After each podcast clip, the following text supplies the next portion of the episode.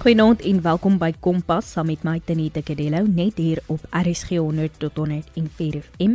Jy kan ook inskakel op ons DStv audio kanaal 813 of inluister op ons webtuiste by rsg.co.za. In vanaand se Kompas is hersiening terug en ons kyk na Afrikaans huistaal vraestel 1. Hildegard Rensley, departementshoof van tale by Hoërskool Stellenberg is op die lyn en ook wenke gee van hoe jy kan verseker dat jy die beste doen in hierdie vraestel. Goeienaand, dames en here. Dit is vir my 'n besondere voorreg om saam met julle te kuier. Ek is Hildegard Rensley, departementshoof tale by die Hoërskool Stellenberg in die Wes-Kaap. Ek onderrig Afrikaans huistaal al vir 23 jaar en is ook 'n senior nasiener vir Afrikaans huistaal vraestel 1. Tans is ek ook een van die telematiese aanbieder vir Afrikaans huistaal. Ons gaan vanaand 'n bietjie gesels oor vraestel 1, hoe lyk vraestel 1, wat is die moets en die moenies en hopelik vir julle 'n paar wenke gee om voor te berei en jouself dan gereed te kry vir die eindeksamen. Hoe lyk vraestel 1? Dis belangrik om te besef dat vraestel 1 'n totaal van 70 punte tel. Die vraestel bestaan uit die volgende afdelings: Voor 'n mens jouself kan voorberei vir 'n vraestel, moet jy eers na die uitleg van die vraestel gaan kyk. Afdeling A is altyd die begrip lees. 'n Mens sien gewoonlik 'n teks A wat die leesteks is en dan 'n visuele teks wat as teks B aangedui word. Die hele afdeling A vorm vraag 1. Afdeling B die opsomming is dan vraag 2 wat 10 punte tel en dan waar die leerwerk inkom By afdeling C is dit die taalstrukture en taalkonvensies waar ons dan vraag 3, 4 en 5 kry. 'n Paar algemene wenke vir julle. Eerstens, skryf netjies en leesbaar. As jy dit maklik maak vir 'n nasiener om jou antwoord te lees, gaan jy definitief beter punte behaal. Begin dan ook asseblief elke afdeling op 'n nuwe bladsy. En by afdeling C wil ek mooi vra dat jy vraag 3, 4 en 5 op aparte bladsye beantwoord. Laat dus ook 'n lyntjie oop tussen jou antwoorde. Nommer altyd volgens die vraestel en antwoord spesifiek wat gevra word. Moet dus nie vra uitlaat of oorslaan nie en as jy regtig nie 'n antwoord ken nie, probeer. Dis beter as om net 'n oop spasie op jou antwoordstel te los. Kompas, jou loopbaanrigtingaanwyser op RSG. Goed, kom ons gaan kyk spesifiek vanaand na die leesteks.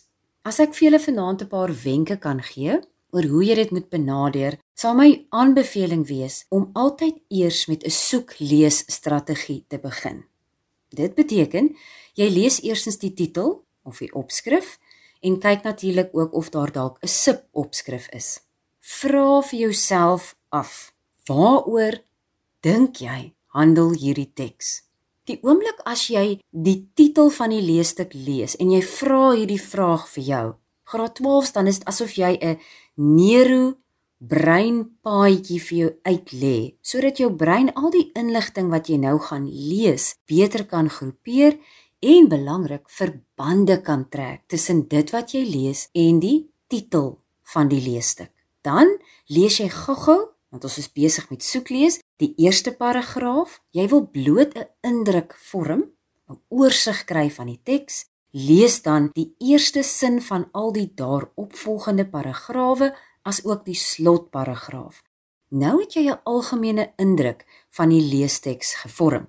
Die volgende stap is vluglees. Ek sê altyd vir die kandidate, die leerders in my klas, jy moet eers die vrae deeglik lees voordat jy die tweede keer jou teks gaan deurlees. Wanneer jy dus jou vrae vlug lees, let op na die kernwoorde van die vraag. Is dit 'n wat, 'n hoekom, 'n waarom, dink jy, sou jy? Kyk na die kernwoorde, let mooi op na die instruksiewoorde. Wat wil die vraag hê moet jy doen? Moet jy evalueer? Moet jy bespreek? Moet jy verduidelik? Dis verskriklik belangrik dat 'n mens as dit ware jou brein moet programmeer voor jy begin met begrip lees, sodat jou brein weet waarna jy op soek is. Want jy weet graad 12s 'n brein is maar soos 'n rekenaar. En as hy weet waarna om te soek, gaan jy met begrip kan lees. Dit bring jou dan by die derde stap. En dit is lees vir begrip. Nou lees jy om die teks te verstaan. Jy klaar 'n algemene oorsig, jy weet klaar watter vrae jy nou moet oplet en nou lees jy vir begrip. As jy die teks nou van vooraf lees, gebruik asseblief 'n glimpen, 'n viltpen of 'n kleurpen en maak deurlopend kantlyn aantekeninge terwyl jy lees. En ek verseker julle vanaand, as jy die vorige stappe gevolg het, gaan die antwoorde uitspring uit die teks uit. Soek ook deurgangs terwyl jy lees vir verbande tussen die paragrawe. Hoe pas paragraaf 1 by paragraaf 2? Dis nie iets wat 'n mens bewustelik doen deur te stop en te dink nie. Jou brein doen dit outomaties as jy besig is om te konsentreer terwyl jy lees. Hoe pas my paragrawe dan ook by die titel? As jy deeglik lees en dis belangrik, gaan jy jou vrae baie beter en ook vinniger kan beantwoord en so spaar jy tyd. As ek vir julle wenke kan gee oor die beantwoording van die begripsvrae. As jy nou klaar hierdie leesstappe gevolg het en jy is nou besig om jou vrae te beantwoord, wil ek tog die volgende aanbevelings maak. Merk jou stapel vrae met 'n kolletjie.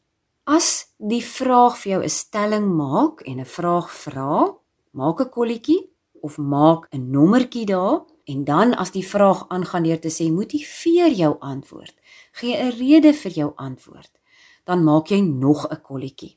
Die rede hoekom jy 'n stapel vrae so moet merk, is om seker te maak dat die vrae in volgorde beantwoord word en om te verseker dat jy al die aspekte van die vraag wel beantwoord. Partykeer kan 'n mens stapel vrae kry wat tot 3 of 4 aspekte van jou vra En daarom is dit so belangrik om daardie kolletjies aan te dui. Jy luister nog steeds na Kompas op RSG 100 tot 104 FM saam met my Tenita Kadello en ons gesels met Hildegard Rensley oor Afrikaans huistaal vraestel 1. As jy nou besig is om jou vraestel te beantwoord, is dit belangrik om ook die instruksiewoorde in die vraag uit te lig. Omkring dit. Wat is die kern van hierdie vraag? En dan graad 12s bitter belangrik om jou vakterminologie baie goed te ken. Jou onderwyser sal vir jou 'n lys gee van vakterminologie wat jy moet ken.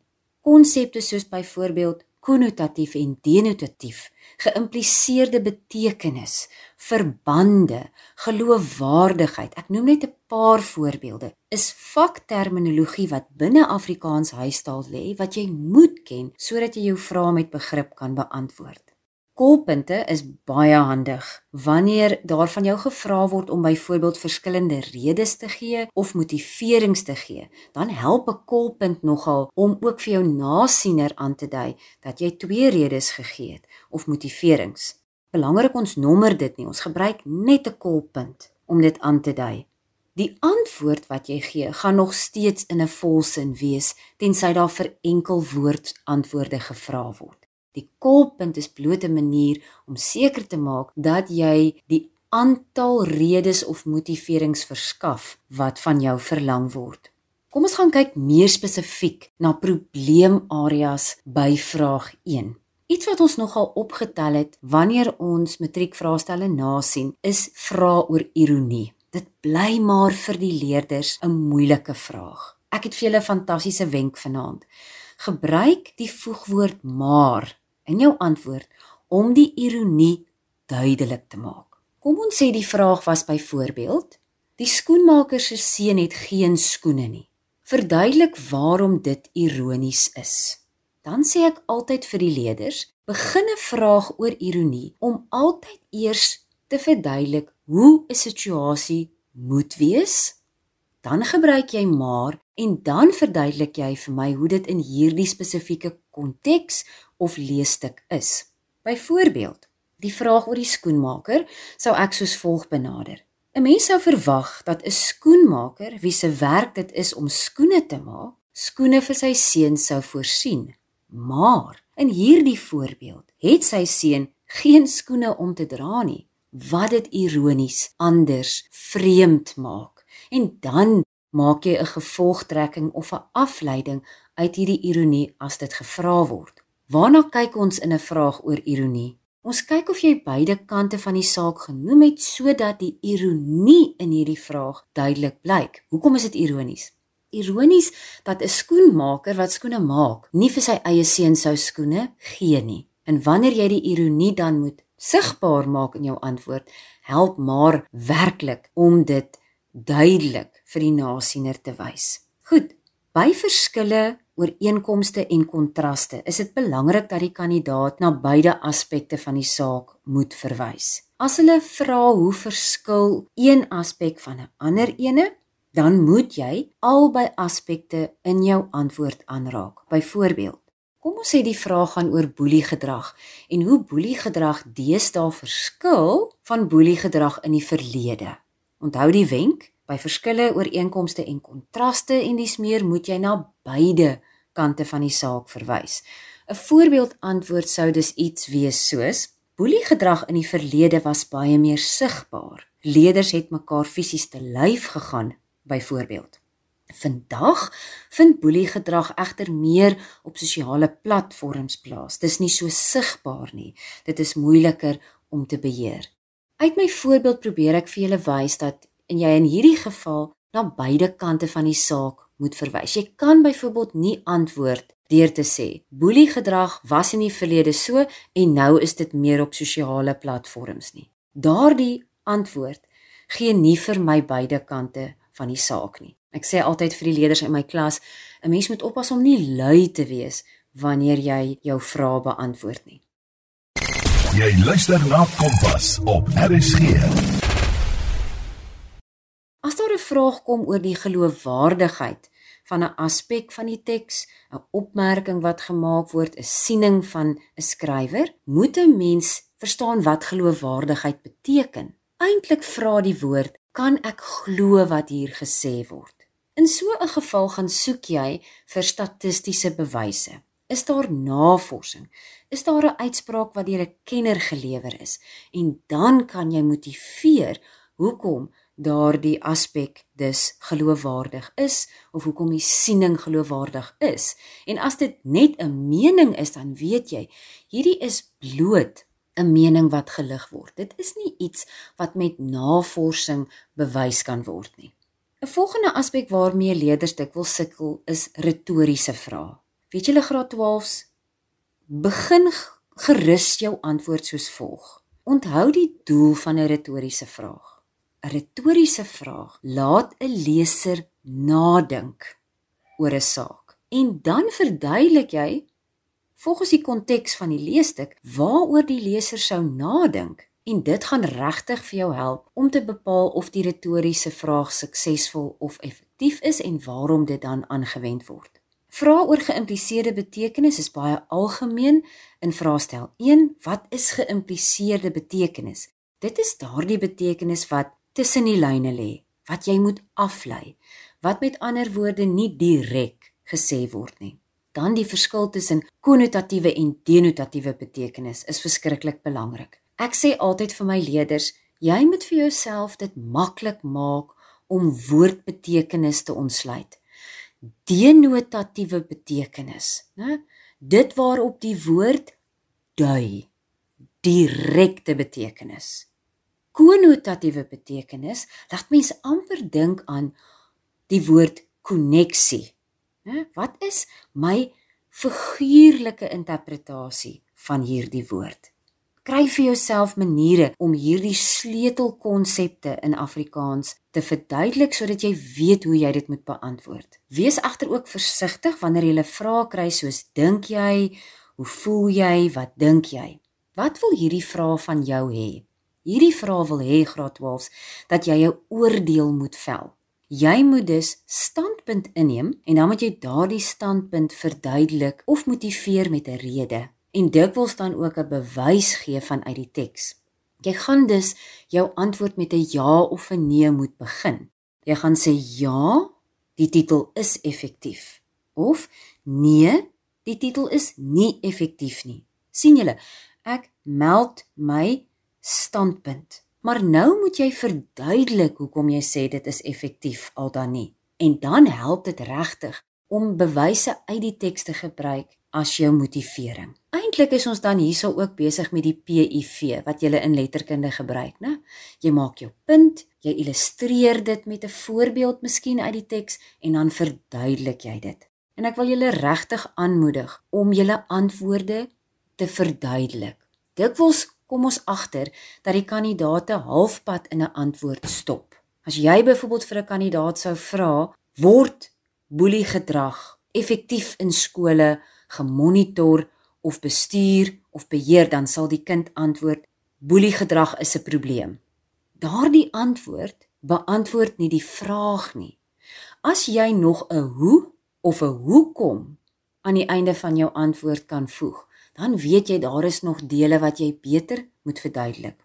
Dan wil ek ook 'n wenk gee, alhoewel ons nie wil hê dat jy direk uit die teks moet aanhaal nie, behalwe as ons vir 'n direkte aanhaling vra, help dit om by die woorde van die teks te bly wanneer jy 'n antwoord gee. Moet dus nie probeer om onnodig konsepte en betekenisse in die teks in jou eie woorde te omskryf nie, want dan is jy geneig om die betekenis te verander.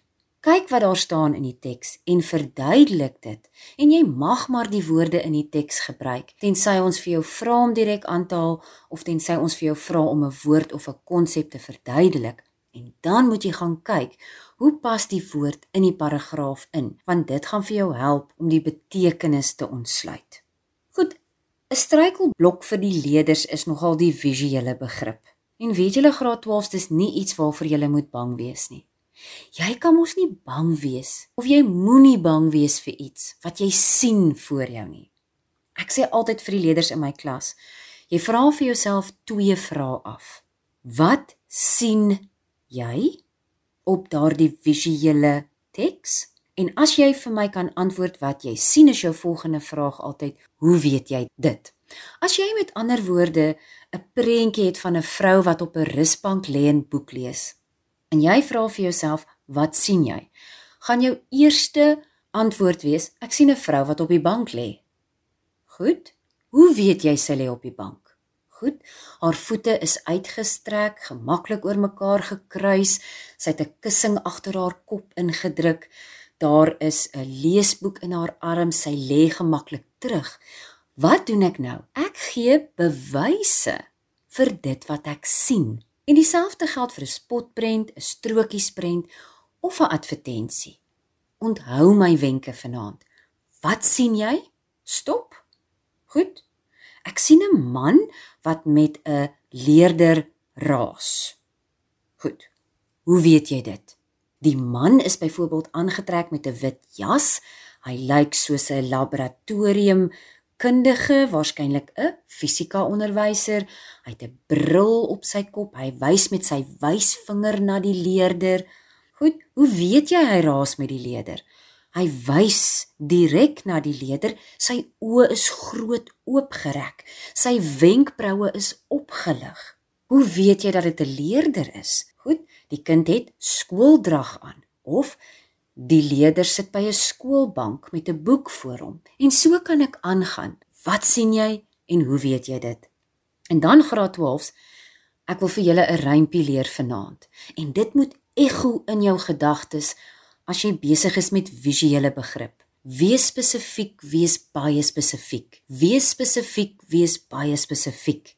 Moenie net antwoord, sy lyfstaal wys dit nie. Hoe weet jy dit? Wat sien jy? Watter aspek van sy lyfstaal wys vir jou dat hierdie man besig is om met die leder te raas? Goed. En dan belangrik, kyk na veralgemenings, stereotiperings verskuilde boodskappe. Leer jou advertensie terminologie. Wat is 'n handelsmerk? Wat is die kop van die advertensie? Wie en wat is die teikenmark? Kyk ook mooi na goed soos emotiewe taal. Is letters of opskrifte in vetdruk? Watter tipe letters is gebruik? En dan maak jy afleidings uit dit wat jy sien. Wat sien ek? Hoe weet ek dit? en watter afleiding kan ek hieruit maak? En dan wees spesifiek, wees baie spesifiek. Moet dus nie net vir my sê die onderwyser is kwaad nie. Hoe weet jy die onderwyser is kwaad? Goed, wat sien ek? Wenkbroue is opgelig, oë is groot oopgerek. Daar is bewegingslyne langs sy hand wat aandui dat die hand op en af beweeg. Ek noem nou bloot voorbeelde. En so maak jy visuele begrip eintlik pret. Die volgende aspek van vraestel 1 waaraan jy baie spesifiek aandag moet bestee is die opsomming. Weet julle graad 12 vir die opsomming moet 'n mens 10 uit 10 kry. Wat is belangrik? Eerstens lees die instruksies deeglik voor jy eers die teks begin ontleed. Wat vra die vraag? Moet jy sewe feite gee? Moet jy sewe maniere noem om boelie gedrag te bekamp? Moet jy sewe maniere noem waarop 'n mens 'n ekstra sakgeld kan verdien soos wat verlede jaar se vraag was? Dan wanneer jy jou teks lees, merk jy die kerngedagtes of jy lig dit uit met jou glimpen. Nou gaan jy na jou rolwerk en jy skryf jou sewe feite neer. En weet julle graad 12s, gebruik die woorde van die teks en maak jou eie sinne. Moenie jou eie woorde gaan opmaak nie. Maak jou eie sinne. Die oomblik as jy probeer om goed op 'n ander manier te stel, dan verander jy dikwels die betekenis en laat jy die kernbegrippe weg. So onthou my wenke. Gebruik jou eie sinne, nie jou eie woorde nie. As jy 'n woordvolgorde verander of 'n woord weglaat of byvoeg, dan is jy mos besig om jou eie sin te maak en die kerngedagtes op te som. Wees egter baie versigtig. Jy mag nie direk aanhaal net soos wat dit daar staan nie. Jy moet die kerngedagtes opsom. En kyk as jy die feit opgesom het in jou eie sin. Het ek die vraag beantwoord? Is hierdie feit wat ek gee 'n voorbeeld van hoe 'n persoon 'n ekstra inkomste kan verdien? Gaan verkoop worsbroodjies op Saterdag by winkelsentrums. Mooi. Dis 'n voorbeeld van hoe jy ekstra geld kan verdien. Gaan na ouetehuise toe en help die bejaardes met hulle hare. En kyk wat doen ek. Die vraag was: Verskaf sewe maniere waarop 'n ekstra inkomste verdien kan word. Of noem sewe maniere wat 'n persoon ekstra inkomste kan verdien. Dit werk om met 'n werkwoord te begin. Né? Verkoop worsbroodjies op Saterdag by winkelsentrums. Gaan na ouetehuise en gaan help die bejaardes of senior burgers met hulle hare iets wat jy net nooit moet doen nie. Moenie jou sin met 'n infinitief begin nie. As jy begin met iets soos om mense se hare te versorg, dan dink die leerdes dit is 'n volledige sin. Wat my by die volgende kernaspek van jou opsomming bring. Graad 12s, elkeen van daardie 7 feite moet in 'n vol sin aangebied word. En 'n volsin moet 'n selfstandige werkwoord hê. Jy kan dus nie net met 'n infinitief begin nie. Jy kan nie sê om worsbroodjies op Saterdag te verkoop. Ja, wat daarvan? Dis nie 'n volledige sin nie. En ek weet daar is leerders wat met die infinitief kan werk, maar my raad aan julle is om dit eerder nie te doen nie. Begin met die kernwerkwoorde. Verkoop worsbroodjies op Saterdag buite winkelsentrums. Help enkel moeders om hulle kinders op te pas. So maak jy seker dat jy 'n vol sin gebruik. As jy nou jou sewe sinne geïdentifiseer het en jy het jou beplanning gedoen en ek voel dat 'n beplanning by 'n opsomming baie belangrik is, dan trek jy 'n streep daardeur en nou vorm jy, formuleer jy 'n paragraaf uit hierdie sewe sinne wat jy gemaak het. En maak dan seker graad 12 dat jy by die woord totaal hou. Julle gaan my nou nie glo nie, maar ons tel elke opsomming. En as jy nie by die woord totaal hou nie, dan maak jy dit vir jouself moeilik. Moet asseblief nie vir ons ook jok oor die woord totaal nie, né? Dit skep sommer 'n swak indruk. En dit aan die einde van vanaand se kompas. Baie dankie Hildegard dat jy saamgekyer het. Hildegard is die departementshoof van tale by Hoërskool Stellenberg in die Wes-Kaap en sy het bietjie gesels oor hoe om vraestel 1 van Afrikaans huistaal te benader en seker te maak dat jy die beste punte kry. Baie dankie aan ons luisteraars dat julle ingeskakel het. Onthou indien jy enige navrae of terugvoer van vanaand se program het, kan jy 'n SMS stuur na 45889 teen R1.50 per SMS of 'n e-pos na kedeloutz@sabc.co.za. Jy kan ook ons potgooi skakel by rsg.co.za besoek waar jy weer na die program kan luister of dit kan aflaai. Soek net onder K vir Kompas en daar het jy dit. Kompas word aan jou gebring in samewerking met SABC Opvoedkunde en Percy Mogale was ons regisseur vir vanaand. Ek moet groet, maar ek is môre aand weer terug. Tot dan van my Tenita Kadelo. Totsiens.